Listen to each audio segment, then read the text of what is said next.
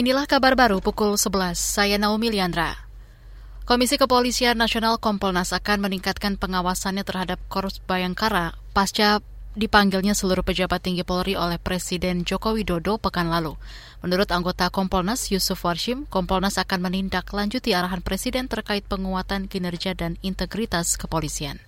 Kompolnas kan fungsinya sebagai pengawas fungsional uh, kinerja dan integritas anggota Polri ya. Jadi hmm. tentu apa yang menjadi apa namanya arahan presiden kepada pejabat Polri dari Pati, Mabes, Kapolda dan seluruh Kapolda se-Indonesia itu tentu akan menjadi arahan Kompolnas juga di dalam uh, mengawasi kinerja dan integritas anggota Polri. Jadi Anggota Kompolnas Yusuf Warshi menambahkan arahan Presiden itu akan menjadi pedoman Kompolnas mengawasi kinerja Polri dalam melaksanakan tugas melindungi masyarakat.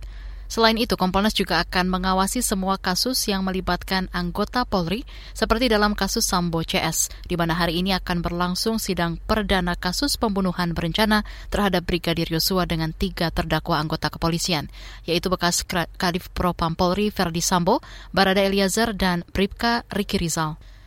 Kita beralih ke berita selanjutnya. Singapura saat ini tengah dilanda gelombang kasus COVID-19 baru yang disebabkan subvarian Omicron XBB. Gelombang baru ini dikabarkan akan mencapai puncaknya pada pertengahan November di Singapura. Menurut Menteri Kesehatan Singapura, Ong Ye Kung, subvarian XBB ini menjadi dominan di negara itu atau menyumbang 54 persen kasus lokal sejak 3 hingga 9 Oktober lalu.